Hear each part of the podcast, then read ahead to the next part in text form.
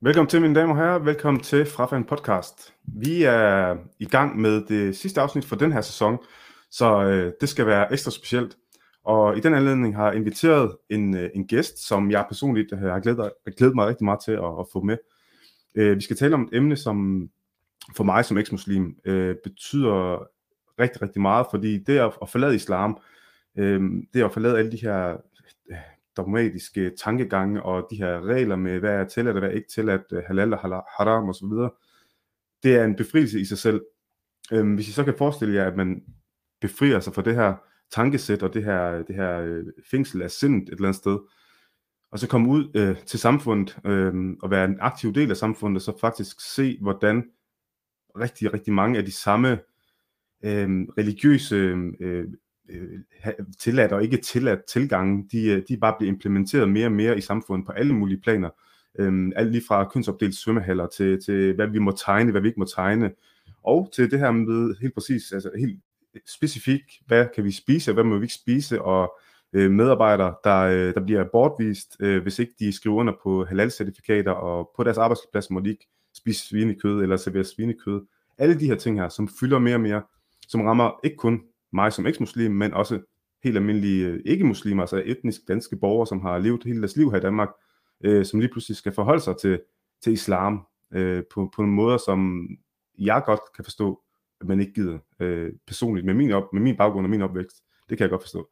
Så det er jeg rigtig spændt på at, at tale med min næste gæst om, som faktisk er en, der gjorde mig opmærksom på lige præcis den her sag med, med Lars, den 62-årige smed fra Nakskov, så blev bortvist fra sin, øh, sin plads. Hun, op, hun lavede en video omkring den her sag, og så har jeg fulgt den lige siden, og hun har selv øh, fulgt sagen tæt. Øhm, så ikke mere snak for mig. Nu vil jeg bare byde min, øh, min, første, min gæst, min sidste gæst for den her sæson.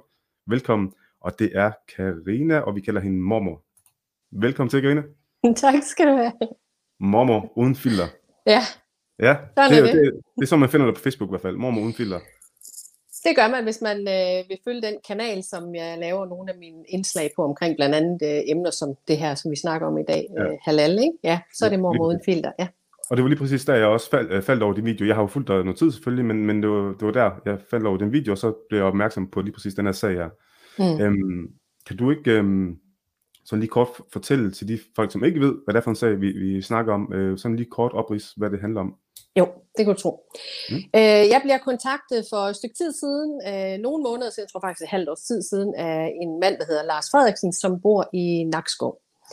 Øh, han er blevet ikke bare fyret, men bortvist fra sin arbejdsplads. Og hvis vi lige skal tage den del af det, for jeg synes faktisk, den er rigtig, rigtig væsentlig det her. Mm.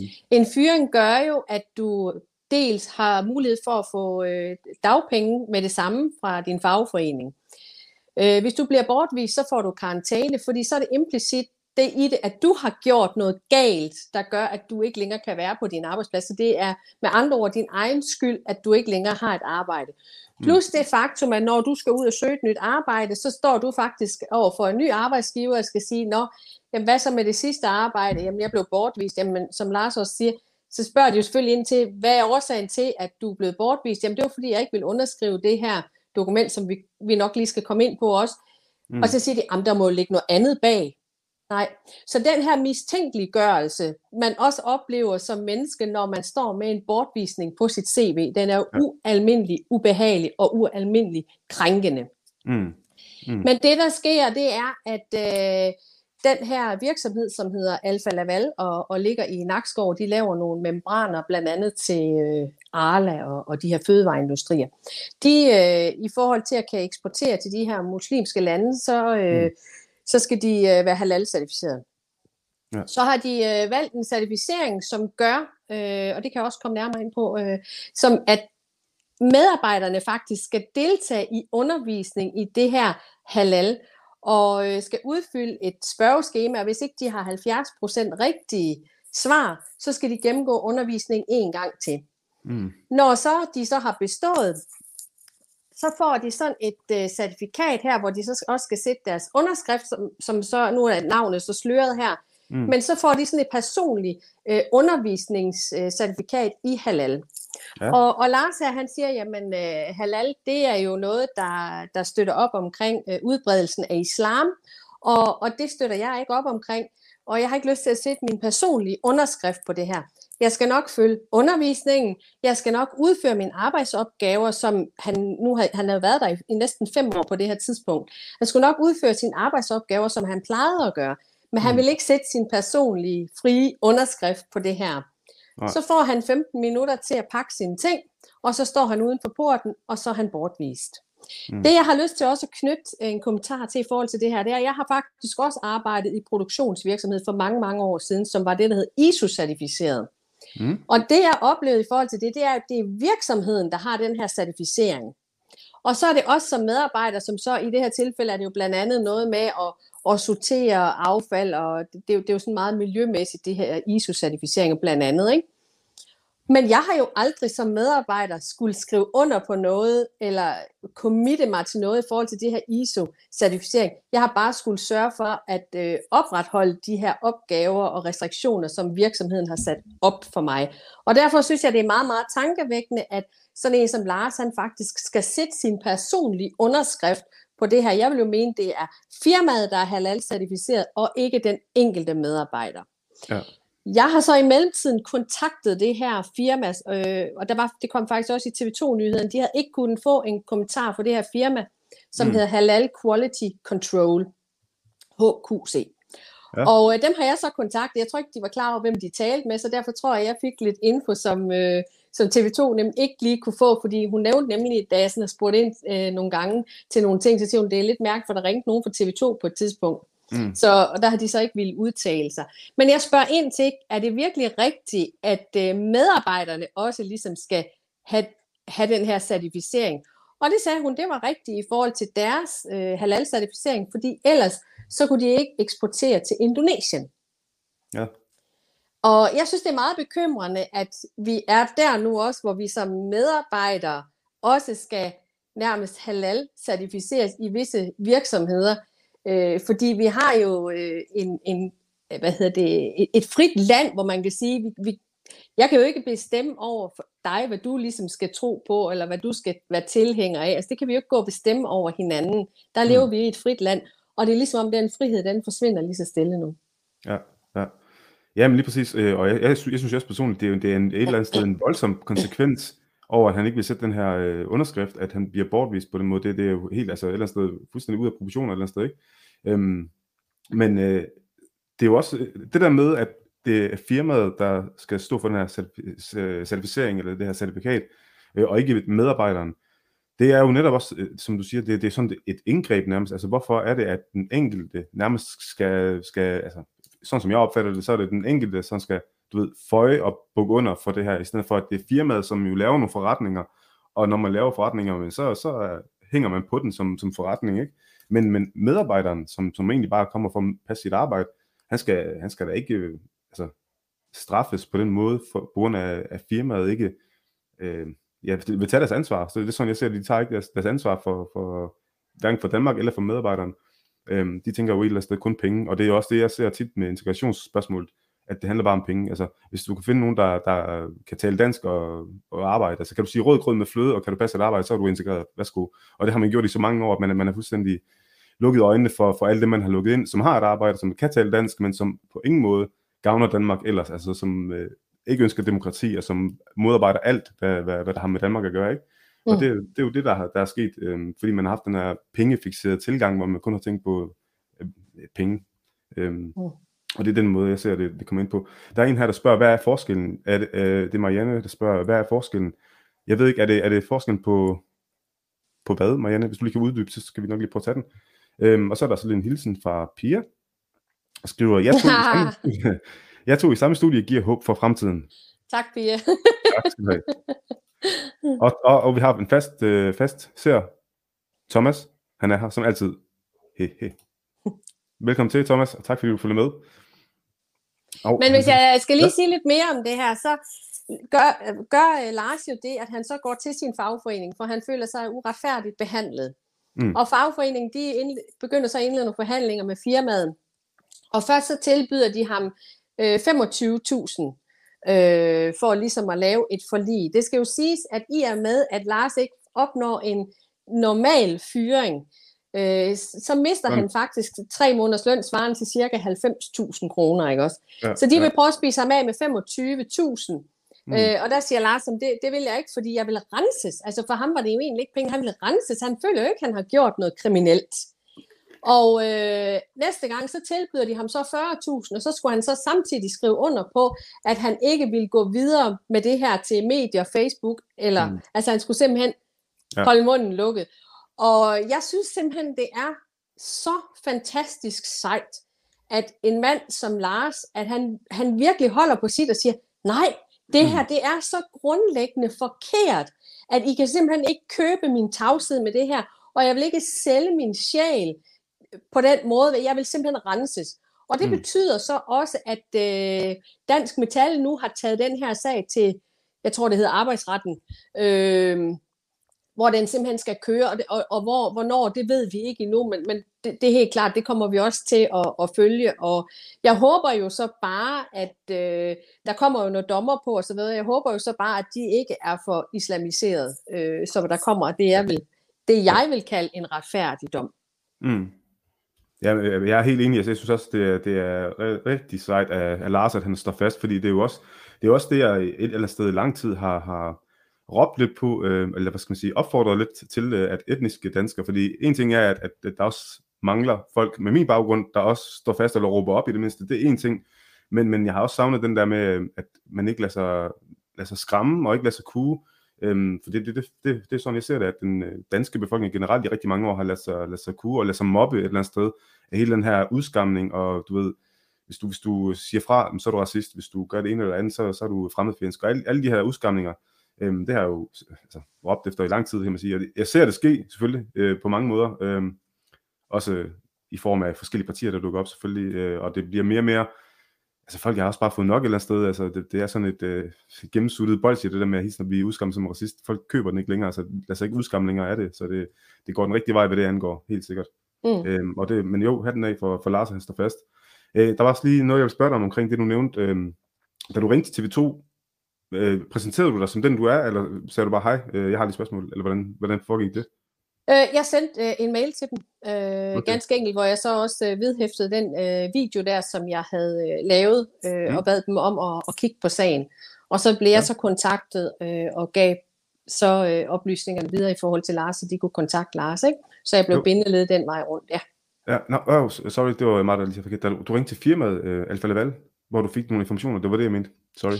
Nej, det var til øh, Halal Quality Control, altså selve Halal certificeringsfirmaet. Okay. Ja. Okay. Og en af årsagerne til, at jeg også øh, ringede dertil, det er fordi, at det er faktisk sådan, der er ikke, det er lidt et stort emne det her.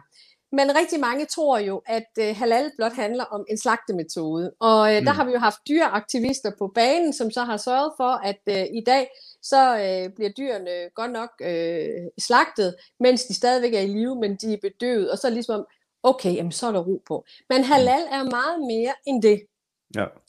Og det vi skal vide, der er, der er mange ting i det her, det vi blandt andet skal vide, det er, at de her certificeringsfirmaer, det er foreninger. Det vil sige, at de skal ikke føre et regnskab. Det vil sige, at der er ingen gennemsigtighed i det her. Vi kan mm. ikke spore, hvor pengene de går hen.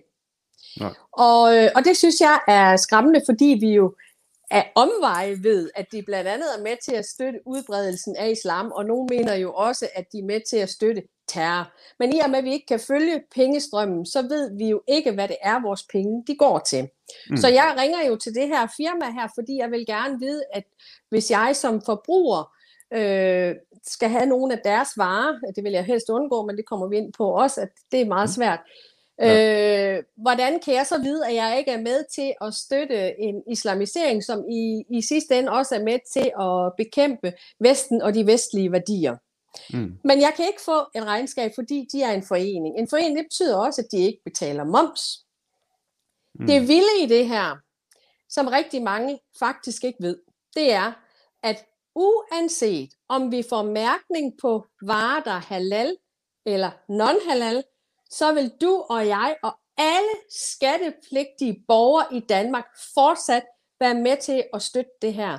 Og det vil vi ganske enkelt, fordi at når et firma får en halal-certificering og betaler til det her, så kan de trække det fra i skat.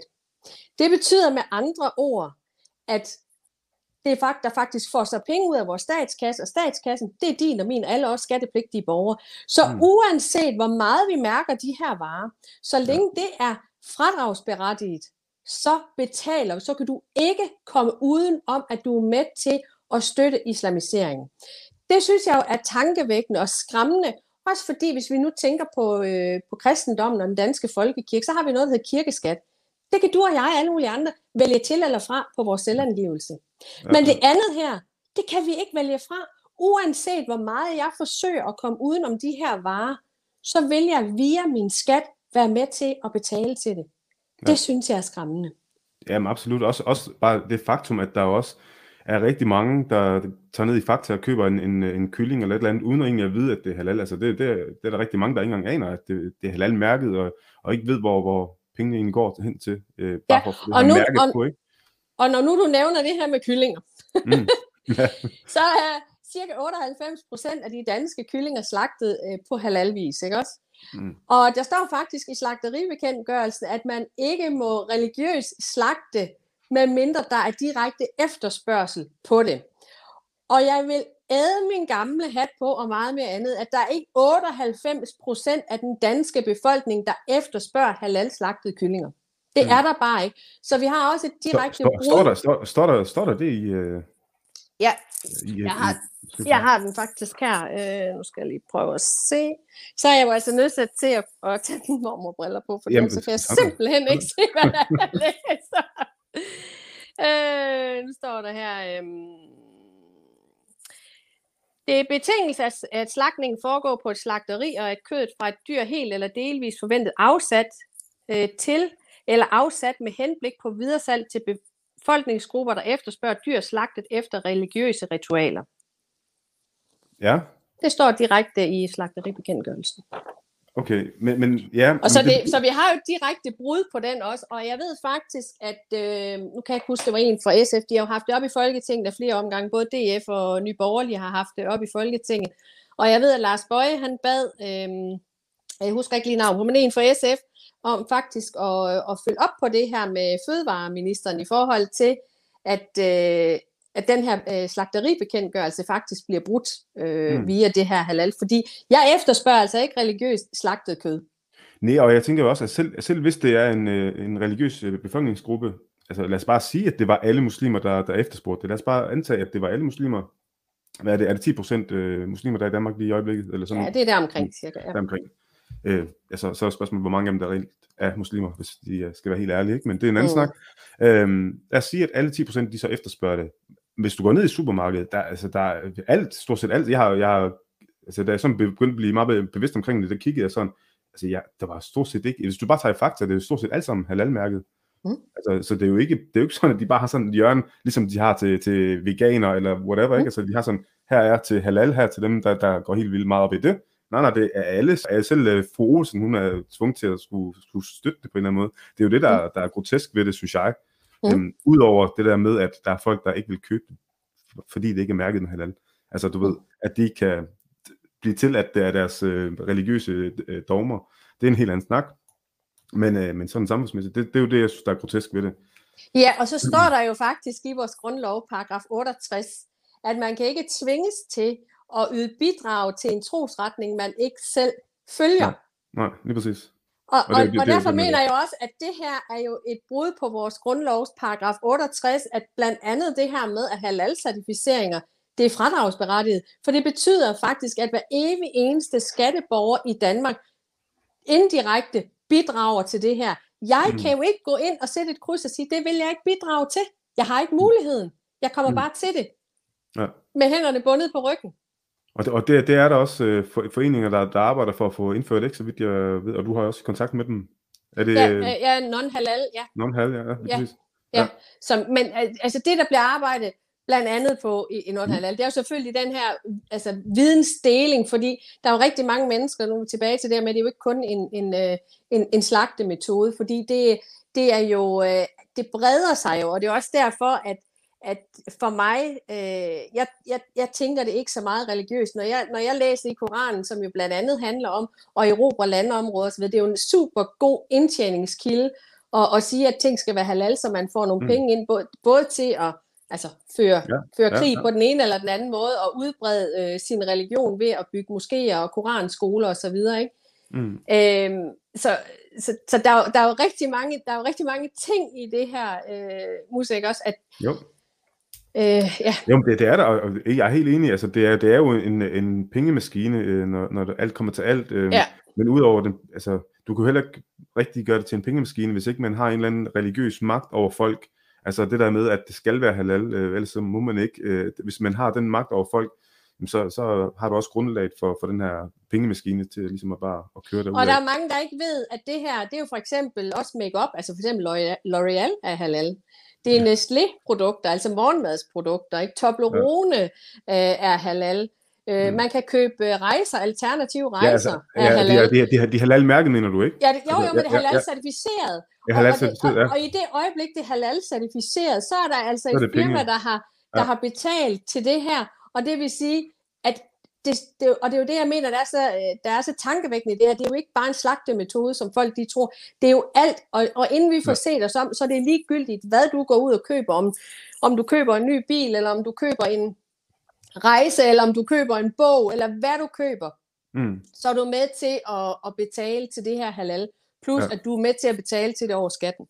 Og, det, og, jeg, og jeg tror faktisk, det var, jeg tror også, det var det, Marianne, da hun stillede der spørgsmål med, hvad er forskellen? Jeg tror faktisk, det var det, hun prøvede at komme ind på. Hun har ikke lige svaret endnu, øh, Nej, men det okay. kan hun vil uddybe senere. Men jeg tror, det er det, hun mente med, hvad er forskellen? Fordi det er jo netop det der med, at folk bare tror, at det er en slagtemetode, eller bare tror, mm. det, er, det er kød, det handler om. Altså, mm. der, øh, men der er jo der netop kæmpe stor forskel på halal-certifikatet, altså det, og hele industrien omkring det, og så halal øh, set i øh, religiøse øjne. Ikke? Øh, der, jo, der, der, og, hvis, og hvis du gerne vil ud og erobre erobre øh, mm. landområder, mm. verdensdele, så er jeg jo også nødsat til at sige, så er det her jo en genial måde. Altså, det, det, jeg er ked af, at jeg skal sige det, men det er jo super genialt udtænkt. Og, og det, det, jeg bare synes, der er så forfærdeligt, det er, at en stor del af Folketinget igennem årtier har sovet i timen i forhold til det her. Og mm. det, de også er op imod i forhold til blandt andet det her med mærkning, selvom det jo ikke ændrer på det her med skatten. Men, men det her med mærkning, det er jo, at man nede i EU, det vil man ikke gå med til at pålægge firmaerne, fordi de mener, det er konkurrenceforvridende. Så vi, er, vi, er, vi, er, vi bliver bremset ja. via vores medlemskab i EU i forhold til trods alt at få en mærkning på varerne. Men igen, mm. det ændrer jo ikke på, at vi betaler til det over skatten. Det, ja, lige præcis. Lige præcis. Mm. Og vi skulle næsten have et afsnit med det EU. Det, øh, altså en, en af grundene til, at jeg også meldte mig ud af Venstre, altså det er også fordi, øh, altså som selvstændig, der, der er Venstre, eller var Venstre i hvert fald også et okay øh, parti at være med i, men, men de, de var bare for, for EU-venlige øh, for min smag. Jeg, jeg kunne simpelthen ikke, øh, jeg synes, der var alt for meget, øh, ja, men det kan vi have helt... Vi, vi havde jo et fantastisk nordisk øh, samarbejde før øh, med med Norge, øh, Sverige og ja, Finland, mm. tror jeg også Jamen, altså, med. Ikke? Altså, men, og det har været meget bedre, hvis du spørger mig, hvis vi jo, jo, altså, men, men, men, men, tag, men tag ikke fejl, altså inderst inden, så er jeg faktisk øh, sådan en rigtig utopisk øh, globalist nærmest. Altså, jeg, jeg synes, det kunne være så fedt, hvis hele verden er sådan, ikke? Men der er bare sådan en, øh, en realistisk øh, ting, der lige dukker op, når jeg tænker den tanke der, og når jeg tænker på, hvad jeg selv har set af, af udfordringer, så jeg, jeg, jeg kan ikke se det ske. Det er måske, der, der er lige nogle ting, der skal løses først, inden vi når dertil. Mm, mm, mm. Mm. Ja.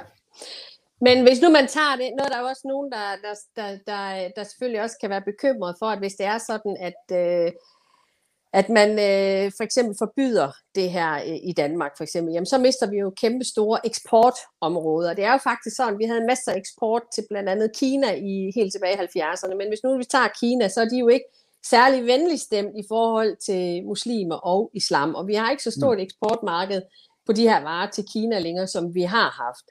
Øh, så jeg, det er bare, hvad jeg tror, at det er, at vi ligesom har flyttet det, og jeg synes ikke, at det er særlig smart, at vi har flyttet det til at, at støtte øh, no. islam og udbredelsen af islam. Og hvis mm. man går ind og kigger på det, har jeg faktisk, men det kan man nok ikke så godt se her. Øh, det bliver nok lidt lille, men nu finder jeg det alligevel lige frem igen.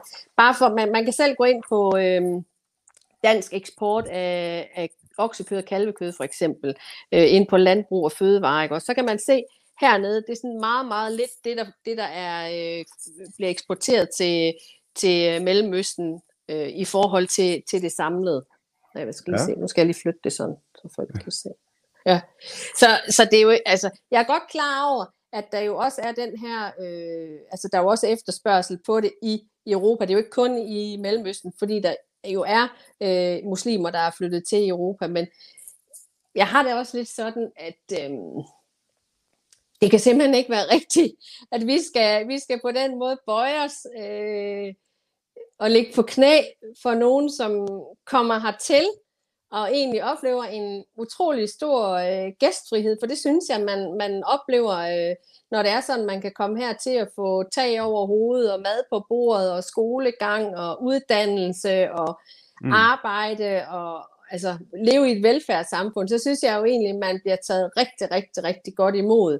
Så synes jeg jo ikke, at det er okay, at man så forsøger at undergrave det her samfund, som har været så øh, åben og venlig øh, og imødekommende på den måde, som jeg oplever, at, at der bliver forsøgt på, blandt andet med halal. Jeg, jeg, jeg er helt enig, og du kommer faktisk lige ind på noget, det der med, øhm, fordi jeg møder jo tit argumentet, øhm, når jeg går ind i debatten, lige, op, lige præcis omkring det her med halal og så videre, ikke?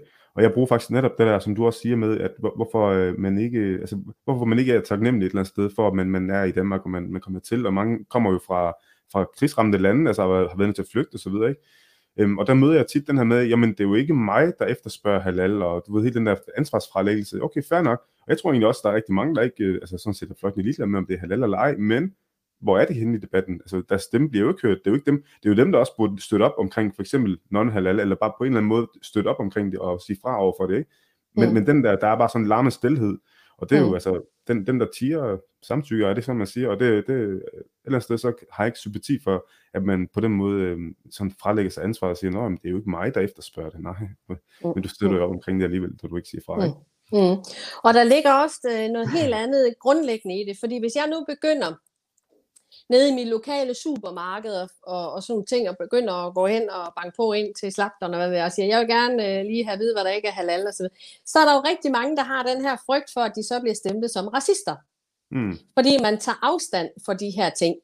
Og mm. der har vi jo en ualmindelig ulødig og, og nedværdigende tilgang til det, synes jeg, i debatten i Danmark, fordi at jeg tager afstand fra islam og de værdier, det bygger på. Det mm. handler faktisk om et, et, et hjerteligt menneskesyn, fordi hvis man går ind og læser i Koranen, så øh, de vantro, som jo blandt andet er mig, der står jo jamen, jeg, jeg vil næsten sige, næsten halvdelen af Koranen omhandler, hvor nedværdigende og, og hvor dårligt, at jeg mm. og andre vantro, vi skal behandles.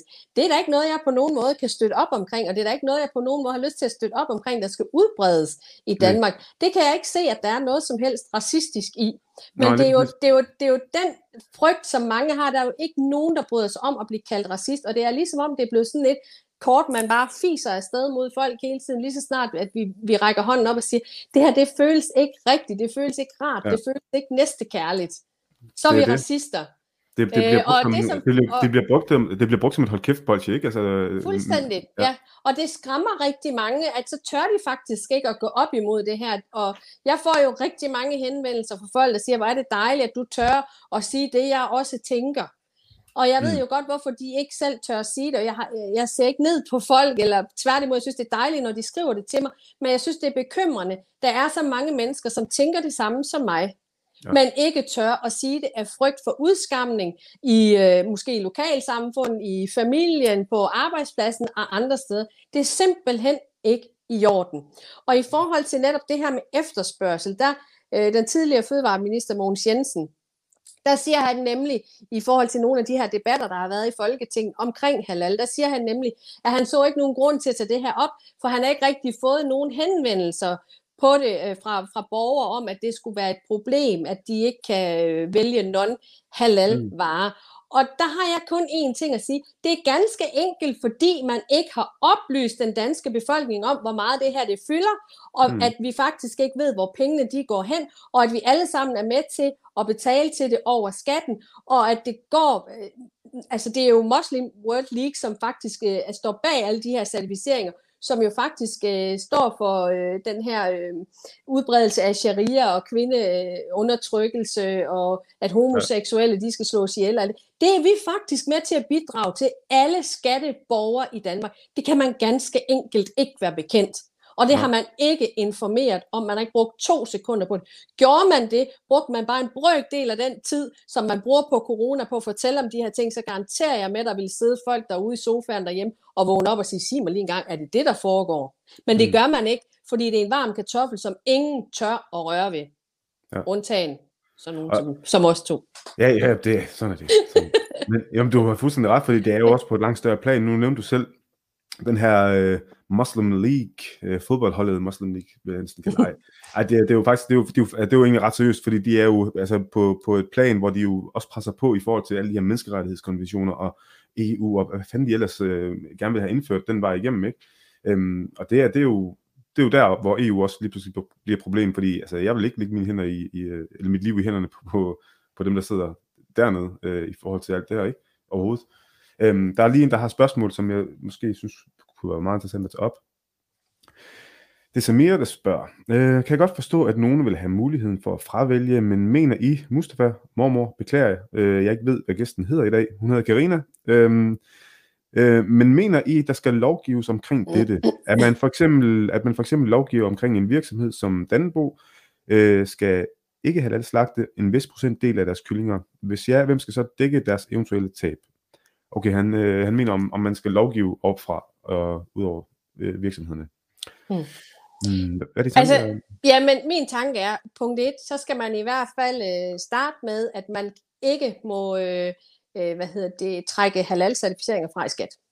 Det, det jeg mener, det må være, det må være hmm. første step, fordi det er der, hvor vi alle sammen vi øh, er med til at betale for det her. Ja. Så mener jeg helt klart, at øh, det skal være sådan, at, at hvis, øh, hvis Danpo de mener, at de kan afsætte alle deres kyllinger til efterspørgselen, altså i forhold til slagteribekendtgørelsen, i forhold til folk, der efterspørger religiøs kød, så må de gerne det for min skyld. Men det bliver deres egen sag. Men jeg mener ikke, at, at jeg som dansker skal være med til at, øh, at støtte noget, som jeg ikke tror på. Og igen så er vi tilbage i grundlovens paragraf 68, i forhold til, at øh, jeg skal ikke, øh, jeg er fritaget for at være med til at betale til en, en tro eller en guddyrkelse, som jeg ikke selv bærer inde i mit hjerte. Mm. Så kan det godt være, at der er en ekstra udgift, og, og jeg er helt med på, for jeg har selv været på produktionsvirksomhed, jeg ved godt, hvad det, hvad det vil sige, at man kører en produktionslinje, hvis man så også skal køre en produktionslinje mere. Det er klart, at det vil gøre en forskel, men jeg mener ikke, at det er mit problem som dansker. Og hvis det er sådan, at Danbo de mener, at de så kan eksportere alle deres kyllinger Øh, til, til folk, der efterspørger, altså til, til muslimske lande, så fred være med det, for der findes faktisk også øh, kyllingeslagterier her i, i Danmark, som ikke øh, slagter efter halal, og så vil de jo være der til os andre. Så ja. jeg ved ikke, om, om, om han føler, det var svar nok, men altså må ja, han skrive ellers, igen. Ellers så, så må han jo skrive, ja, lige præcis, så må du jo ja. skrive som jeg. Øh, og mit, mit svar, hvis jeg lige skulle tilføje noget mm, til det, mm. øh, udover det, du sagde, som jeg egentlig er fuldstændig enig i, det er, det er faktisk et spørgsmål, jeg vil stille til det, fordi der, der er lige noget, der dukker op i forhold til, det er jo det er sgu da egentlig også interessant, at der, altså sådan en firma som Danbo eksempelvis, hvor, hvor meget er det er egentlig halal? Er det ikke stort set alt, hvad de laver, der er halal? Altså, jo, jo, halal, hele firmaet er jo halal-certificeret, så det vil sige, uanset ja, hvad de lægger ud, så er det under den her halal-certificering, ikke? Mm. Det synes jeg, der er et eller andet sted også er, eller det er jo det, er jo det der er problemet. Øhm, så når du skriver, Samir, når du skriver, eller når du spørger, om der for eksempel skal lovgives omkring en virksomhed som Danbo, at de skal ikke halal slagte en vis procentdel af deres kyllinger. Det, det forstår jeg ikke helt, fordi så får de jo ikke det der halal-certifikat, fordi en af betingelserne for, at de kan få det, det er vel, at det er halal hele vejen rundt. Altså, der, der er jo nej, de her regler. nej, det er det ikke. Nej, det er nej. det ikke. De kan godt få, de kan jo godt have kørt to produktionslinjer. Okay. Men det er klart, det er en stor udgift for, for en virksomhed. Det siger sig selv. Det, ja. det er jo en øget udgift at køre to produktionslinjer. Og det er okay. der jo mange firmaer, altså de skal jo spare alle mulige steder. Og, det, og, og, og den del af det forstår jeg godt sådan rent erhvervsmæssigt. Mm. Der forstår jeg godt den del af det.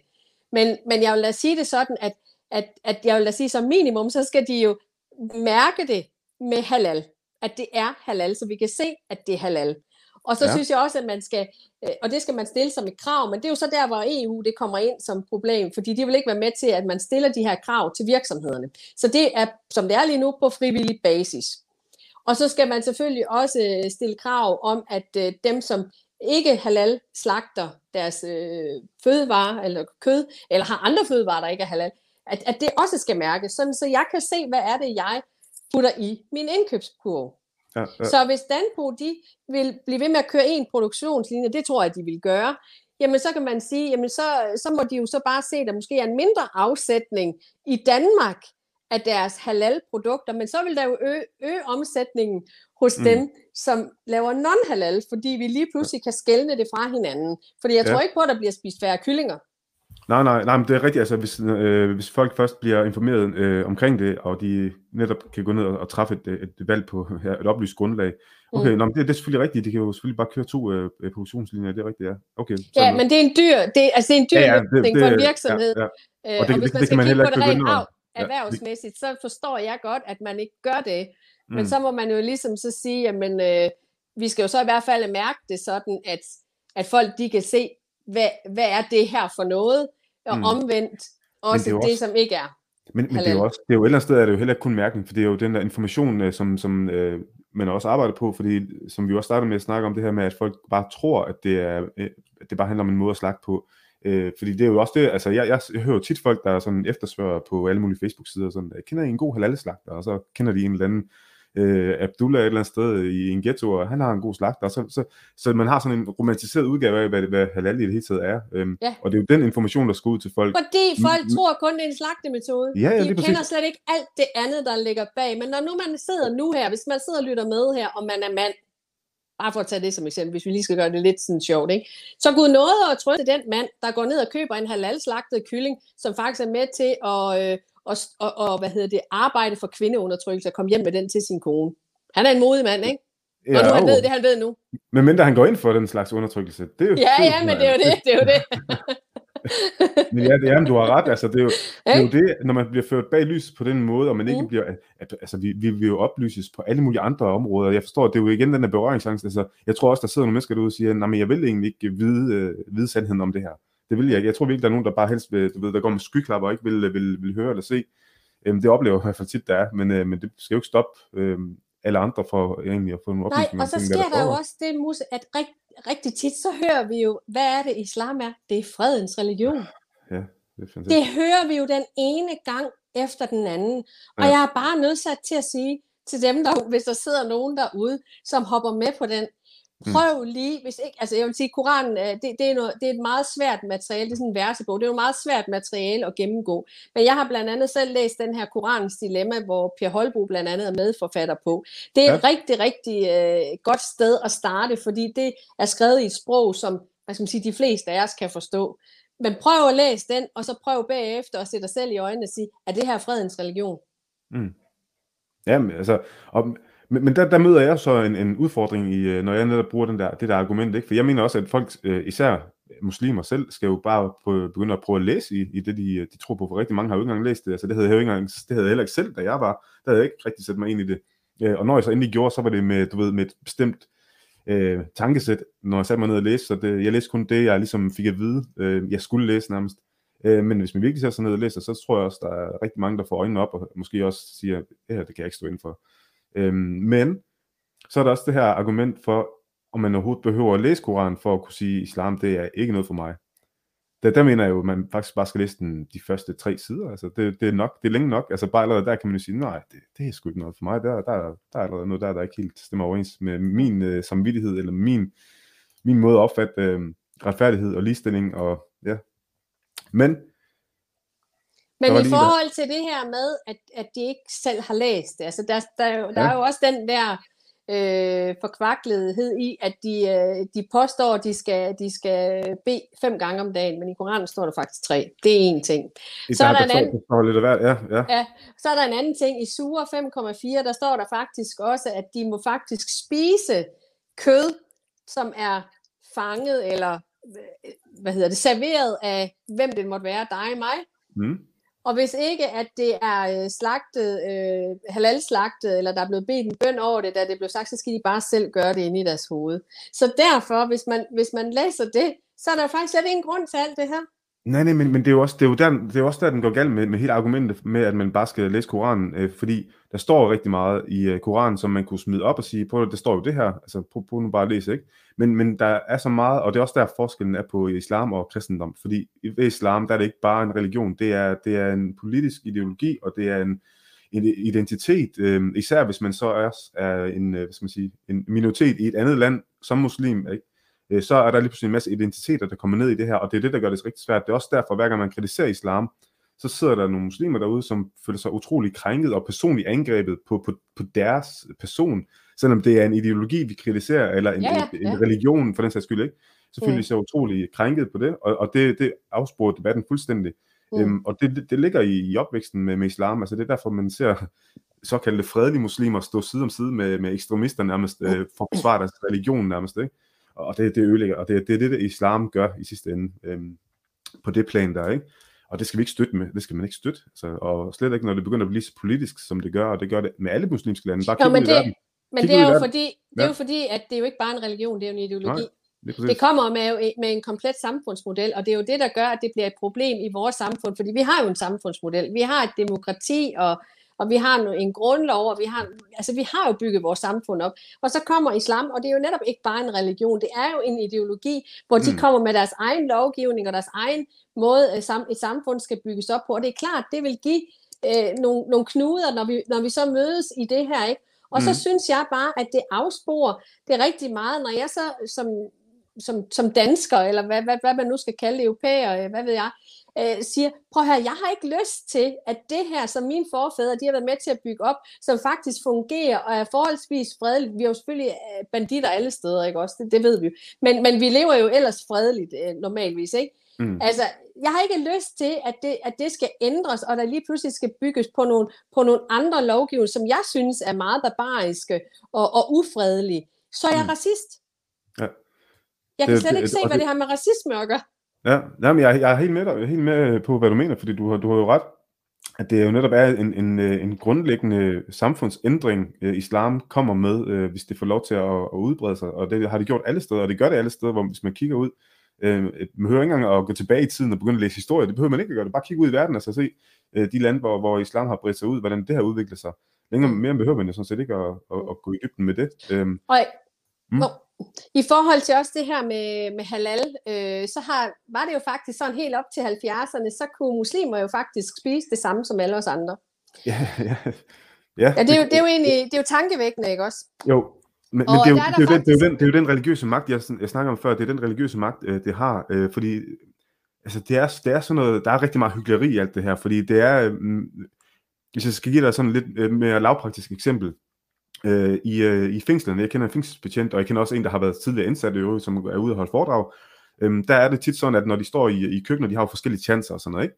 Så når de her unge kriminelle indvandrere, som er opvokset i muslimske hjem, men, men som måske aldrig har læst Koranen i øvrigt, men, men derinde, der bliver de utrolig religiøse. Der går de utrolig meget op i deres øh, religiøse identitet lige pludselig, ikke? Og, og det er alt sådan noget lige fra, at de ikke vil øh, vaske, øh, eller de ikke vil lave mad fra den samme pande, hvor der har været lavet svinekød, og, og så får de lov til det. Mm. Indtil der er en, der siger, nej, sådan, sådan fungerer det ikke her, I må bare gøre det ikke. Når de så begynder at, sætte, øh, skal man sige, gøre modstand øh, og øh, oprør over for det, så har de sådan en eller anden fængselsimam, som i øvrigt er fuldstændig langt ud, at vi har det i Danmark, men det har de.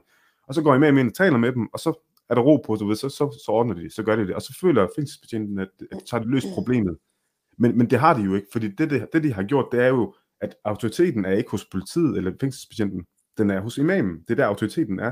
Mm. Og, og to, man har ikke løst problemet, bare fået, man får ro på gemytterne, og så går vi bare videre, ikke? så man har fået lidt mm. husfred.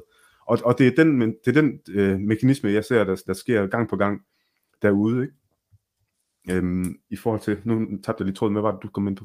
Sorry. Nej, men det jeg ville sige før i forhold til det, det er, at, at de kunne jo spise øh, det samme som os andre helt op til 70'erne. Så er det faktisk en fransk antropolog, Florence Blackler, som, som har været ved at studere i det her, og hendes konklusion, jeg ved ikke, om det er rigtigt, men hendes konklusion, mm. jeg tænker, man kan, der er nok noget om det, det er sådan min, men det er, at man blandt andet har bruger det her halal til at være med til at sørge for, at muslimerne de ikke øh, interagerer og integrerer sig i den vestlige verden, så man bliver ved med at holde den her hvad skal man sige, øh, par, ja, parallel mm. imellem os, ikke også? Så vi bliver ved med ligesom at skal leve ved siden af hinanden, hvor hvis nu du for eksempel i Danmark tager, øh, øh, det kan være kineser, det kan være vietnameser, det kan være englænder, det kan være franskmænd, det kan være amerikaner, alle mulige, når de kommer til Danmark, det mærker du jo ikke.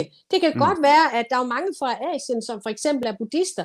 Jamen det mærker du jo ikke, fordi vi lever jo bare ved siden af hinanden og, og, og med hinanden og interagerer med hinanden. Og de nok. samler sig jo heller ikke i de der mm. klynger, som vi ser. Ikke? Og hvis du nu tager alle de her ghettoområder, men for eksempel hvis du tager øh, som noget af det, som jeg jo har fulgt en del op på, det er Gellerup-parken ved, ved Aarhus. Ikke? Mm. Øh, der havde vi jo blandt andet også grønlændere, der boede, fordi det er jo social boligbyggeri, ikke også? Øh, hvor, hvor, så der bor jo alle mulige mennesker. Og der er nogle grønlænder, som har det lidt med en gang imellem at, at, at få lidt og, at, at drikke, ikke? Og det tåler muslimerne ikke, fordi det er også en del af det her med halal haram. Altså der, der hører alkohol ind under det, man kalder haram, altså det urene. Og hvad sker der? Grønlænder, som er danskere i vores samfund, ikke også? De bliver stenet ud af Gellerup-parken. De ja. bliver stenet ud af Gellerup-parken. Hmm. Så de kan ikke længere være der. Altså, det er jo forfærdeligt.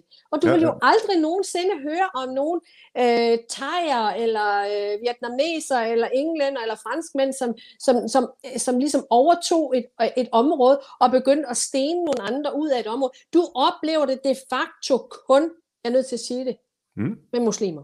Ja. Yeah, sorry to say. Men Jamen, altså, det, det er bare rene ord for pengene. Her, her på vores øh, kanal, der skal du ikke sige sorry to say. Her skal Nej. det bare siges. Her, her er der plads til mormor uden filter. Sådan, ja, det er godt. skal det er godt. Jo, ja. men, men jeg synes bare, det er forfærdeligt, fordi det er, det er jo, det ja. er jo altså, det, det kunne lige så vel have været mig, hvis, hvis jeg havde øh, haft et, øh, en, en tendens til at og gerne ville have lidt at drikke en gang imellem. Ikke? Og det, det kan jeg jo mm. godt. Jeg kunne sagtens også sidde med et glas rødvin der. Men tænk så, hvis jeg var blevet stenet ud af et område i mit eget land, ja, af nogle ja. folk, der er kommet hertil, som jeg over min skat er med til at betale til at forsørge. Mm. Jeg ja, kan hvad, simpelthen jeg, ikke forstå det for lov ved, ved, ved, ved, ved du hvad jeg egentlig synes, der er, er, er langt værre end, end lige præcis øh, det, den der stening, eller den voldelige øh, måde at gøre det på, som, som du nævner her, som, jeg, altså, som absolut er uacceptabel. Jeg tror faktisk ikke, der er nogen, der vil acceptere det, altså, øh, uanset hvor man står politisk. Men man accepterer det jo stille tide ved at man, det får lov man gør, det, man gør det, men, men ved du hvad jeg egentlig synes, der er værre end lige præcis den der, det er den, man ikke rigtig kan sætte hånden om, fordi der, der er sådan en manipulerende måde, der foregår, øhm, og det er lige præcis i de her miljøer, som du også snakker om, der er sådan en manipulerende tilgang hos, øh, hos de her folk, som, altså hvor de sådan, du ved, ja, manipulerer folk til rent faktisk at, at droppe den der øl der, manipulerer folk til at lade være med, og du ved, jeg har selv oplevet, jeg har også selv boet i, i sådan et ghettoområde, der kan du huske, at der altid stod nogle folk, øh, som stod og drak øl, øh, etniske danskere, som altid stod og drak ud, øl øh, ud foran, øh, det kan vi da godt lide. Vi kan da godt lide at stå ja, ja. for at få en bitte en, ikke også? Og det, det er fint nok, men det ligger inde i, en, i ghettoområde, hvor der så også er mange af, af vores typer, ikke? Øh, og, og der kan jeg huske, at der var, altså, da vi var yngre, der yngre drenge, de var sådan lidt mere, det var dem der, der gjorde det med sten og så videre, den attitude der, ikke? Men, men senere hen, altså, det blev, det blev sådan noget manipulerende noget, hvor de sådan, på, hvordan fanden skal man over, oversætte det? Øhm, altså, det er sådan en, du, du kender godt den, hey, min ven, den der, altså, den der type, øhm, altså, den måde, ja, ja. de sådan... Den der indsmirrende. Ja, ja, lige præcis den der, altså, hvor, man, hvor, de bare, hvor man bare kan se, altså, øh, at de står og manipulerer med dem, ikke? Øh, den synes jeg faktisk er langt værre, fordi det, det, er, det er sådan en, en løgnagtig øh, fasong, hvor de sådan får folk til rent faktisk at gøre nogle ting, de gerne vil, øh, uden vold, uden trusler, uden alt det her, men hvor de sådan, øh, og de er ikke kun én om det i øvrigt, der er jo, der er jo altså mange, der spiller sammen på det, ikke? og det, det, det er virkelig ulækkert at se. Det synes jeg faktisk er langt værre, fordi hvordan fanden, øh, hvordan, hvordan tager man, tager man øh, kampen op mod det, ikke? Altså det andet, det kan vi lovgive os ud imod. Du kan ikke lovgive dig ud imod sådan nogle, øh, sådan nogle typer, der, jeg kan i hvert fald ikke se, hvordan man gør det, ikke? Så der er debatten jo, jo vigtigt, at vi hele tiden bliver ved med at påpege den, når, når vi ser den. Men det er jo også noget af det, der faktisk står i Koranen, at de skal indsmire sig. Ja. Det står jo ja, faktisk ja. der i. Men, men, men, men, men, ja, ja, jo, jo, men ved du, hvad, hvad der også og det, sker der? Og, det, og, og hvis det er så, nu har jeg arbejdet meget med, med psykiatri, altså både øh, øh, altså via mit fag og, og arbejde mm. i psykiatrien og sådan noget, ikke?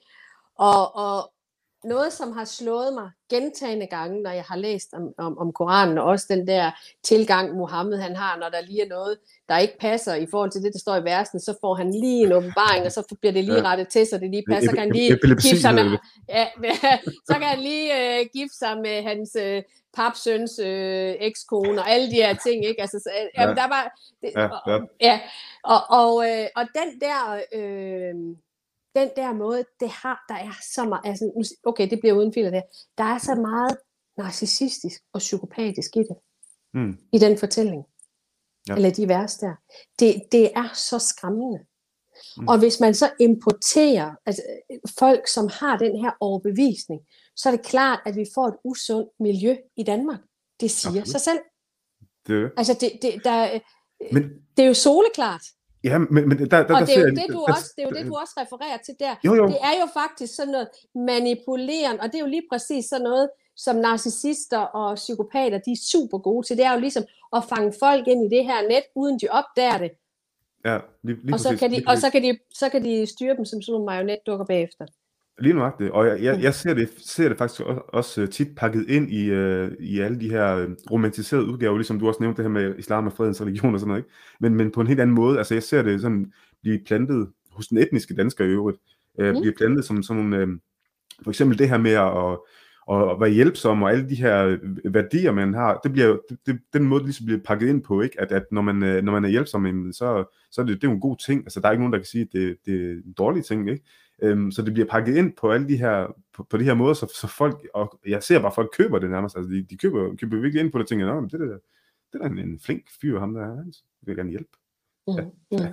Mm. Og, og, og, og man kan jo, altså, jeg ved også, der også findes øh, masser af, af muslimer, som, øh, som du også selv siger, som, som måske ikke ved, hvad, de, de, de kalder sig bare muslim, de ved dybest set ikke, hvad det går ud på, og de er egentlig, øh, kan man sige, måske lige så langt hen ad vejen normalt tænkende, nu siger vi normalt tænkende, dig og mig mm. også, men altså så, rationelt tænkende, så lad mig bruge det ord i stedet for, ikke også? Mm. Øh, ingen tvivl om det, og jeg har haft øh, kollegaer, øh, som er, er muslimer, jeg har jo været ude blandt øh, folk og passet mange mennesker via mit job, og også mm. passet nogle af muslimer, jeg har aldrig nogensinde gjort forskel, jeg har også mødt en masse venlighed, det vil jeg også skynde mig at sige, øh, mm. Men det ændrer bare ikke på, hvad der står i den her ideologi, og det ændrer bare ikke på, at hvis ikke man får bremset den her islamisering af vores samfund, du startede selv med, med nogle ting øh, omkring det her opdelte svømmehaller, og øh, for eksempel Hvidovre Hospital, de serverer kun halal kød, ikke også? Øh, og institutioner, der, øh, der overgår til at, at servere halal og minus svinekød, og alle de her ting. Hvis ikke vi får stoppet mm. det, altså så ender det altså galt. Og så bliver jo det her et muslimsk samfund. Og så bliver det ikke sjovt, når de er flere end os. Så bliver der mm. altså længere imellem de venlige sindede. Fordi så har de overtallet, og så bliver de også styret af dem bagfra, som presser på. Og hvis ikke de makker ret, så bliver de faktisk behandlet værre end os vantro. Mm. Det er faktisk det, der står og, i Koranen. Og det, og, og, og det er jo faktisk lige præcis derfor, det netop er så ufattelig vigtigt, at herboende muslimer, de rent faktisk begynder at råbe op imod det. Og det, det er jo derfor, fordi så længe de ikke gør det, hvor, hvor, hvor skal tilliden så komme fra? Altså, hvor, hvor, hvor skal tilliden komme fra til det muslimske mm. miljø, når de ikke råber mm. op? Altså, jeg, jeg stoler ikke på, og det siger jo alle, jeg stoler ikke på det muslimske miljø, fordi der ikke bliver råbt op. Jeg ved sgu godt, at lige snart, altså, det er fint nok, og du har ret, der er rigtig mange gæstfri og, og venlige øh, øh, muslimer, det er mennesker selvfølgelig, men hvis vedkommende, altså det som man kan teste, hvis vedkommende ikke tør at sige sin mening som han lige har sagt til dig, hvis han ikke tør at sige det, mens der er to andre muslimer til stede, altså, og det, nu taler vi en mening, som kan være lidt kontroversiel, eller et eller andet, hvis han ikke tør at sige det foran to andre muslimer, så er han ikke ærlig, eller hun er ikke ærlig. Det, det er sådan min konklusion, ikke, hvis jeg sådan skal øh, sætte det op så hvid. Det, det er min erfaring, sådan er det. Øhm, og hvis ikke der er flere, der begynder at sige fra over for det her, så, så kan tilliden ikke uh, blive bygget op, fordi, som du siger, hvis der kommer flere, hvis de er i flertal lige pludselig, jamen, så, så ved man godt, hvor de går hen uanset om de vil eller ej, de, de, de tør ikke at sige fra, så følger de bare strømmen på den måde, ikke? Mm. Så bliver vi de jaget i, i, hvad skal man sige, vores, vores eget land og, og på vores eget kontinent, ikke? Og det er, jo, det, er jo, det er jo der, hvor der er nogen, der nogle gange siger til mig, hvordan tør du at være så åben mundet omkring de her ting, fordi der er rigtig mange, der er nervøs for det. Men jeg har det lidt sådan, jeg tør ikke at lade være, fordi at mm. øh, det øjeblik, at, øh, ja, dels når man bliver forældre, man bliver mor, øh, far, så tænker man selvfølgelig den generation længere frem. Mm. Da jeg stod med mit første barnebarn i armene, så tænkte jeg jo lige yderligere en generation frem, ikke? Ja. Og, og det er jo der, hvor jeg tænker, at det her det ender jo galt. Altså, hvad er det for en fremtid, der er der for, for mine efterkommere? For mm. dine og for andre. Jeg tænker ikke bare på mig selv, men, men bare for at skille. Og jeg kommer jo til at tænke en generation længere frem, når jeg får en generation mere i mit stamtræ. Ikke?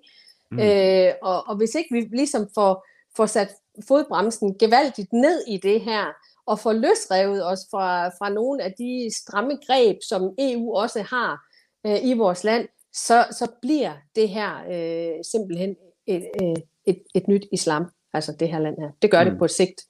Jo, jo. Ja.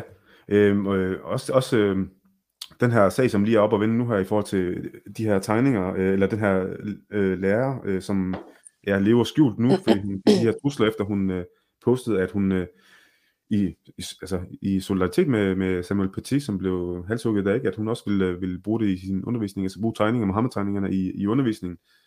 Øhm, det viser jo også igen den her med, hvor, altså det er jo så på ytringsfriheden, øh, som, som man også er presset på, og det er jo det er også der, jeg synes, den øh, er allermest hvad skal man sige, synlig at se, øh, det er som om, det, det er sådan en frontlinje nærmest, ikke? Og så er der alt det her, som, som følger med, øh, blandt andet det her med, hvad der bliver serveret i, i børnehaver, eller kønsopdelt svømning, eller alle de her, og der jo, altså vi, vi burde faktisk lave en liste øh, over alle de ting, alle de punkter, der egentlig er, jeg tror, vi, vi vil øh, blive overrasket over, hvor meget det egentlig fylder, altså, når man sådan har det foran sig. Ikke? Jeg ved ikke, om du mm. har sådan en, en tavle derhjemme med det. Det burde jeg faktisk gøre. Det skriver Nej, jeg, jeg har, jeg har nogle gange uh, siddet og, og lavet nogle punkter, men jeg, jeg tror, at de noter, de, sådan, de ryger jo sådan ind og ud ja. ind imellem, ikke også? Ja, ja. Så jeg kan jo ikke gemme alting, men jeg har før været ved at sidde og, og skrive nogle af tingene ned, og jeg, jeg vil gerne være med til at lave sådan en liste sammen med dig.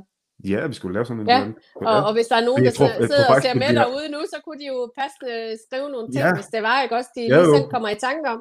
Øh, fordi det er nemlig interessant at se, hvad, hvad det gør ved, ved vores samfund. Der man, sker man, jo også man, nogle ting man, i forhold til vores... Stille op. Ja, man vil, man vil jo også kunne stille det op og sige, sådan her var det for, for bare 10 år siden eksempelvis. Ikke? Det vil man, og det, det tror jeg også, sådan rent visuelt vil kunne få øjnene op for, for rigtig mange folk. Ikke? Der sker jo også, jo, og der sker også nogle ting med vores lovgivning. Vi lægger bare ikke mærke til det. Mm. Jeg er selv blevet ramt af nogle af de her ting, og en af tingene er, at jeg har altid været meget rejselysten, øh, og taget mine øh, børn med. Øh, jeg har fire børn, de er sådan i to hold, øh, og taget dem med på nogle lange rejser, helt op til, til et halvt år i gangen, hvor vi rejser mm. ud i verden og oplever nogle ting. Og der har jeg jo øh, altid bare kunne rejse afsted, bare meddele skolen, at jeg tager mine børn ud, og jeg underviser dem selv, fordi der er ikke skolepligt, der er undervisningspligt. Sidste år, jeg var en af de heldige, der nåede at komme ud og rejse, og lige fik måsen indenfor, inden uh, corona det kom til Danmark. Så der var vi afsted i seks uger. Og i mellemtiden, siden min sidste lange rejse med dem, der var der kommet en ny regel, der hedder, at hvis ikke du, øh, hvis, hvis du er væk i mere end 15 procent på et kvartal fra din skole, så, øh, så mister du din børnecheck i det givende kvartal. Det er jo en lovgivning, der er lavet, fordi at der netop er folk her, som tager deres mm. børn på øh, opdragelsesrejser til, til Mellemøsten, hvor de skal i de her koranskoler osv. Jo, det, er eller, noget, jeg, det er jo ikke noget, jeg nogensinde før har været mødt med. Mit nej. problem på det her tidspunkt, det var, dels gik mine børn på en privatskole, og øh, når, du, når du kigger i lovgivningen, så må du godt tage dine børn ud af en skole, og så tage dem hjem til, øh, til hjemmeundervisning. Men så må de ikke samtidig være tilmeldt en skole. Men hvis nu jeg tog mine børn ud af en privatskole, mm. så er der jo ikke en plads seks uger efter. Fordi det er jo, det er jo sådan, det er jo, det, der var jo ligesom venteliste der på, ikke? Så, så det kunne jeg jo ikke. Så jeg tænkte, mm. hvad gør jeg? Fordi at øh, jeg ville jo gerne have mine børn med ud at rejse, og det var ikke fordi, at jeg ikke ville overleve, hvis de tog min check, men det var et princip. Det kan ja, ikke være rigtigt. Jeg har rejst så mange, mange gange på lange rejser, og de mm. har ikke taget min børnecheck, vel? Altså, øh, mm. som, som vi jo alle sammen får, øh, når vi har børn. Så jeg måtte faktisk til at sidde og læse i paragrafer og skrive til kommunalbestyrelser, og jeg ved ikke hvad, at sådan og sådan, og nu tog jeg dem ud til hjemmeskole, men jeg kunne ikke tage dem ud af skolen, jeg var nødt til at blive ved med at have dem på skolen osv. Det endte så med, at de ikke tog min check. Mm, okay. øh, og havde de gjort det, så havde, det, havde jeg nok også råbt op, ikke, ikke på grund af pengene, men på grund af princippet i det. Men mm. bare for at sige, her igen har man lavet noget, som jeg som dansker, som, som almindelig ansvarlig øh, menneske og mor, lige pludselig bliver ramt af, det har ikke været der før. Mm. Men det kan, jeg, nu kan jeg ikke bare tage mine børn ud på en lang rejse øh, på den måde. øh, uden at jeg skal igennem alverdens mulige paragrafer og, og nærmest lige sådan en mini-advokat, ikke? Øh, for ikke at, at miste mine penge, fordi der er nogle andre, der, der ikke kan finde ud af at agere i det danske samfund. Ikke? Og det er sådan nogle ting, der er masser af eksempler på det her. Og jeg det er der. Altså, hvis du bare tager så... ghetto, den her ghettopakke, altså hvor, hvor mange der råber op om, at, øh, at der bliver øh, revet bygninger ned i ghetto og så videre. Jeg, jeg er helt med på, det, det er en åndssvagt ting, at man skal rive bygninger ned, men jeg forstår, hvorfor det kommet dertil. Det er jo det, der er spørgsmålet. Hvorfor er det kommet dertil, at man rent faktisk river gode bygninger ned? Hvorfor mm. er det kommet dertil? Øh, og det går også ud over etniske danskere, fordi folk glemmer jo også, der bor faktisk også etniske danske familier i de her mm. ghettoer. Mm. Øh, og de står, de står jo bare på siden sammen med dem, der egentlig er skyldige. Men, men ja, det er, og du har helt ret, der, der, der er mange måder, hvor det egentlig rammer øh, helt almindelige borgere på, på alle mulige måder. Fordi det gør det. Lov, ja. det, der, det... Der, er lige, der er lige en Ibrahim, der har en tilføjelse til den med skolen. Øhm, Ibrahim, han skriver her, det er altså ikke udelukkende fordi, at børn bliver sendt på koranskole. Det handler om, at der er mange børn, der pikker fra skole eller ikke kommer i skole. Der er mange forskellige grunde til, at den lov er lavet. Det er, rigtig, og det er ganske dem. enkelt ikke korrekt. Den er direkte lavet på grund af, at der er et problem med, at der er børn, der blandt andet er tosproget, som er væk fra skolen i flere måneder. Og så kommer de tilbage, og så kan de ikke følge med i undervisning, og det påvirker øh, undervisning for resten af klassen. Men, men den er jo også lav, fordi der er jo netop øh, op til sommerferien, der er altid de her forældre, og det ved jeg jo selv, øh, folk, der sådan rejser til, til hjemland på ferie, sjovt nok øh, kan de gøre det, øh, sjovt, øh, men når rejser til hjemland på ferie, men de tager dem ikke kun i sommerferien, altså de der øh, tre uger i, eller seks, seks uger er det sådan set, men folk de tager dem jo afsted i længere tid, og de tager jo flere uger inden sommerferien, og flere uger efter sommerferien. Altså alt den her, ikke? Fravær. Øhm, den, den, det er jo også, altså, det er jo også derfor, at man øh, har indført det vel. Eller mener du, at det er, det er den... Den, øh... den kom, den kom, den, var, den blev i hvert fald øh, i talesat i forhold til, at det var fordi, at man havde problemer med, at der var nogen, som var væk for eksempel i to måneder i løbet af et skoleår, hvor man kan sige, at børnene, de fik jo så ikke den her, dan altså når jeg, når jeg tager mine børn ud at rejse, så har vi jo skolebøger med, og jeg snakker med læreren om, hvad skal vi have lavet, og så videre, ikke også? Og de, mm. de følger jo så, altså det er så mig, der underviser undervejs, men det betyder jo også, at når de kommer hjem fra de her rejser, så er de jo ikke på den måde bagud i forhold til det pensum, som ja. skolen ligesom har, har arbejdet med i den tid. Her mm. der er det jo børn, der bliver taget ud af folkeskolen, børn som måske i forvejen, som er, er tosproget og måske har lidt svært ved at, at følge med, det ved vi jo, og det er der ikke noget forkert i, hvis man kommer til, til et nyt land som, som 8-årig, at man som 9-årig eller 10-årig måske stadigvæk har lidt svært ved at forstå ting. Det er fair nok, der er ikke noget i det. Men, men, men, men, det men det... så er det jo bare det, så de ikke fuldt det pensum, fordi det er ikke ja. det, der er hensigten med deres tur. Deres hensigt med deres tur, det er, at de skal ned og, og, og, og på de her opdragelsesanstalter og koranskoler, og det vil sige, så kommer de hjem, og så er de endnu mere bagud. Og det er klart, det påvirker jo den generelle øh, niveauet i den her klasse og udfordringen for de her lærere.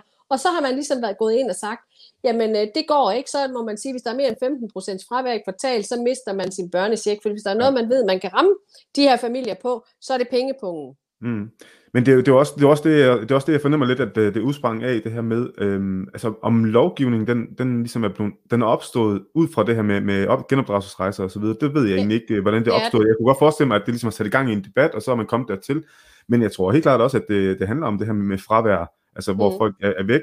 Men, men det er jo også forbundet med de her øh, lange øh, rejser til, til forældrenes hjemland, øh, som mm. også indimellem handler om genopdragelsesrejser og så videre, ikke? Det, mm. det, det, det er der mm. ingen tvivl om. Men hvad der sådan har lige sat det i gang, det ved jeg egentlig ikke, men, men det... Nej, men det, det ved jeg. det vil ikke komme bag på mig, hvis det, ja, det vil ikke komme bag på mig, hvis det var det, der satte det i gang, fordi det er, det er jo noget, man er nødt til at... at, at, at øh, okay, Ibrahim han skriver lige videre her. Øh, det passer ikke det der. Øh, vil du venligst komme med beviser på din påstand? Øh, for det handler ikke udelukkende om koranskoler. Heldigvis er der meget lille andel. Øhm, øh, Ibrahim, jeg, jeg, inden, inden vi går ind i en debat her, hvad mener du med, at det ikke passer, eller at du skal bruge beviser? Øh, og, og hvad, hvor er forskellen helt præcis? Altså lad os, lad os sige, hvad var det du skrev, øh, Ibrahim? Du skrev, at det handlede bare om, at folk de pjekker, eller børn de pjekker fra skole, og ikke kommer, øh, og så videre. Okay. Øhm, at, at, at det så en, en bedre grund øh, at straffe øh, Karinas, øh, ja, Karinas pengepunkt på? Er det, er, det, er det en bedre grund så, mener du, Ibrahim? Jeg skal bare lige forstå, hvorfor du, hvorfor du altså, gør det her oprør her øh, over en, øh, en kommentar fra Karina. Altså du vil sige, det er det, jeg spørger dig om, Ibrahim. Er det her en bedre grund til at indføre en lov, som rammer Karina eksempelvis? Eller er det at sende børn på koranskole en, øh, en bedre grund at indføre en lov, der rammer Karina på hendes pengepunkt? Det kan du godt lige svare på, Ibrahim. Så bare lige, så jeg lige forstår, hvor oprøret kommer fra her. Eller hvad siger du, Karina? Vil du ikke også vide det? Jo, altså, hvad hedder det? Um, jeg ved bare, for jeg fulgte med i det, den debat, der var dengang, og jeg fulgte med i, at den lov blev indført, fordi at jeg jo netop er sådan en, der elsker at tage ud og rejse i længere perioder med mine børn, fordi jeg synes, der er rigtig meget. Altså, vi, vi har jo også rejst netop rundt til lande af med mange, mange forskellige religioner, blandt andet også muslimske lande. Ikke? Øh, fordi jeg synes, det er en god måde for mine børn at, at lære om, om det, der er ude i verden, og også lære noget om sprog, lære noget om kultur, og også lære at gebære sig øh, ude i verden. Og mm. derfor har jeg brugt øh, rigtig mange gange i mit liv at tage på længere rejser. Og derfor fulgte jeg netop den her debat, fordi jeg var klar over, at den ville komme til at ramme mig. Og derfor husker jeg helt tydeligt, at det netop havde noget at gøre med, at man ville øh, slå ned på, at der, det var et problem med de her øh, familier, som tog på de her, øh, eller, eller sendte deres børn afsted på de her længere øh, rejser til Mellemøsten, hvor de skulle på ja, koranskole og opdragelsesanstalt, eller hvad de nu kalder det dernede. Mm. Øh, og det vil man forsøge at undgå netop ved at lave den her, det var maks 15 procent, eller så mist, i, i det givende kvartal, eller så mistede man sin børnecheck. Mm. Så, så jeg, jeg har fulgt med i det, fordi at det havde min interesse. Og det, og det blev også, det, altså, ja. det blev også kommunikeret og, og det, og ud på den vente, måde, jeg vil, vente, jeg vil vente, ja, jeg, jeg vil gøre det. Og okay. jeg, jeg, vil, jeg vil vente den om til Ibrahim og sige, hvis det, jeg, jeg sidder jo ikke lige nu her, nu sidder jeg jo her sammen med dig, Musse, jeg sidder jo ikke lige her og kan google en masse ting og så videre, men han er jo velkommen til selv at finde modbeviserne, tænker jeg. Ja, jeg, kan jo, jeg, kan jo ikke, jeg kan jo ikke ja. sige, hvordan det er skrevet ind rent lovgivningsmæssigt. Det ved jeg ikke, men jeg ved bare, hvad debatten den gik på, og hvor mm. det udsprang. Altså, ja. hvordan det er skrevet ind rent lovgivningsmæssigt, det ved jeg ikke. Og det, og det er også der, jeg tror, det er også, det, er også der, jeg tror, det er også der, jeg tror, den går galt, fordi det, det, det var også øh, sådan, jeg forstod det, altså det her med, at, at eller sådan, jeg forstår det, at det, den nok er udsprunget af den her debat, øh, og så mm. er det så kommet, fordi Mm. Jeg husker ikke, at det blev kommunikeret ud på den måde, altså til skolerne eksempelvis og sådan noget. Det, det er ligesom den der med, med burkaloven, som vi kalder den, ikke? Altså det er jo ikke kommunikeret ud som burkalov. Det er jo kommunikeret ud som, som uh, maskeringsforbud, som der i øvrigt har været i rigtig mange år, uh, hvor ingen har brokket sig, men lige snart det er uh, burkaforbud og uh, islam igen, så er der lige pludselig et problem. Nå. Øhm, øh, det her, Øh, de her regler, der bliver indført, som rammer rigtig mange, og, og alle de her ændringer i, i samfundet, øhm, som, som rammer os alle sammen, som ikke ønsker at blive øh, involveret i islam, og folk, som har forladt islam, som ikke vil have noget med det at gøre, som lige pludselig skal forholde sig til det igen øh, på, på et helt andet plan. Hvor meget, hvor meget, øh, hvor optimistisk er du på, at, øh, at, vi, at vi kan forvente den udvikling, afvikling, vi har nærmest kalde det? Altså, man kan sige, at jeg har ikke den store tillid til, at de politikere, der sidder inde på Christiansborg, som ikke ser det her problem, og som ikke vælger at bruge tid på at sætte sig ind i det, at de lige pludselig gør det. Det, det, det, det er jeg nødt til at sige, det, det har jeg ikke. Jeg mm. håber så til gengæld på, at der er flere danskere derude, som vil begynde at vågne op ved, at vi selvfølgelig kommer ud på, på flere portaler. Du er jo også øh, fremme. Øh, mm. Jeg er fremme. Der er mange andre, som går frem med nogle ting, at vi ligesom får bredt de her budskaber, den her information til folk, fordi netop, når vi, hvis vi nu tager sådan noget som halal, som mange tror bare er en slagtemetode, nu er vi kommet ind på flere ting i det i dag, øh, er jo også en, med, med, en, hvad hedder det, en ting, der er med til at gøre, at der er nogen, der bliver mere oplyst. At det så forhåbentlig kan få nogen til at overveje, hvor de sætter deres kryds, så de partier, som er der nu, som har øje for det her, de bliver stødt større og større. Det, det er det, jeg håber på, fordi jeg tror, at det er vejen frem, fordi jeg er nødt til at sige, at der er altså bare nogle partier inde på Christiansborg, som i forhold til det her er ja, direkte tabt bag en vogn, fordi de på ingen måde ønsker at sætte sig ind i De vil gerne blive ved med at gå med det her bind for øjnene, fordi det er trods alt det nemmeste. Men det er jo klart, fordi når de selv har været med til at udskamme folk, som prøver at åbne op for det her, så er det jo svært at gå over og sige, at der var måske noget om snakken. Så jeg tror på, at vi skal ud, øh, at vi skal ud og hvad hedder det, øh, at have fat i, i nogle flere vælgere i forhold til, altså der er flere folk i befolkningen, der simpelthen skal vågne op. Vågne op. Der står mm. et eller andet der. Jamen det var i forhold til vores, øh, vores ven Ibrahim, som, som var op og køre over Koran. Øh, din, din, øh, din, din påstand, Karina. Men der er en, der hedder Michael, der har været inde og lige undersøgt det lige hurtigt. Han skriver her bemærkninger til lovforslaget. øh, styrket indsats mod genopdragelsesrejser og andre længerevarende udlandsophold af, af negativ betydning for øh, herværende børns skolegang og integration. Så, så det er ikke helt ved siden af, hvad du sagde, Karina. Øhm, der tænker jeg, at Ibrahim øh, må, må komme med hans... Øh, ja, ja. Nej, men, nej, men fuck nu det. Jamen, jeg, øhm, jamen, jeg, vil, jeg, altså, jeg, jeg er ikke overrasket, for som jeg siger, jeg fulgte jo med i det, fordi at det har betydning for mig. Det, er, det er jo lige præcis sådan noget her. Vi, det, det vi overordnet talte om, så, det var tak, det her Michael, med... fordi du lige gad at google. Ja, ja tak Michael, du, øh, ja, tak.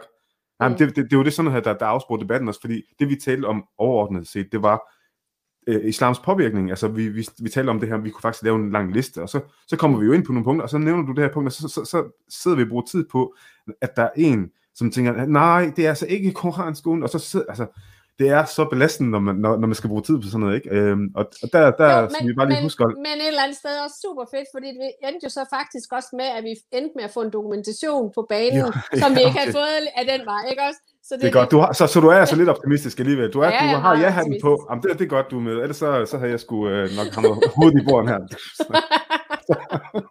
Jamen, det er godt. Det er godt. Ja, ja. Fordi Nå. jeg havde jo ikke mulighed for lige at sidde og google det der jo. Nej, men jeg sidder jo også med alle mulige skærme her. Jeg kunne egentlig godt have gået ind og gøre det, men ja, ja nej. Ja. Super. Tak, Michael. Øhm, ja. Lige var med på den. Øhm, Karina, har du øh, egentlig noget, du lige vil sige her på faldet? Jeg synes faktisk, vi har været sådan lidt rundt omkring, øhm, hvis, du, hvis du har nogle sidste ord, du vil, øh, vil sige. Nej, jeg, jeg vil sige tusind tak, fordi at du inviterede mig. Det har været fantastisk øh, at, at være med i det her. Men, men noget af det, som jeg synes, der er ret vigtigt, hvis vi nu lige skal lige vende tilbage til, til noget af, af det her, som, som vi startede ud med, netop med halal, så skal mm. vi jo huske på, at halal har jo intet med videnskab at gøre. Det er jo ren og skær tro og bevisning. Og det er jo også mm. derfor, at jeg synes, det er så forkasteligt, at, at det skal fylde så meget, som det gør. Mm. Mm. Ja, fordi, fordi jeg, jeg bruger tit uh, sammenligning med, med, med jøder, altså kosher og så videre, ikke? det er tit mm. den, der bliver smidt i hovedet, når man, når man snakker om det.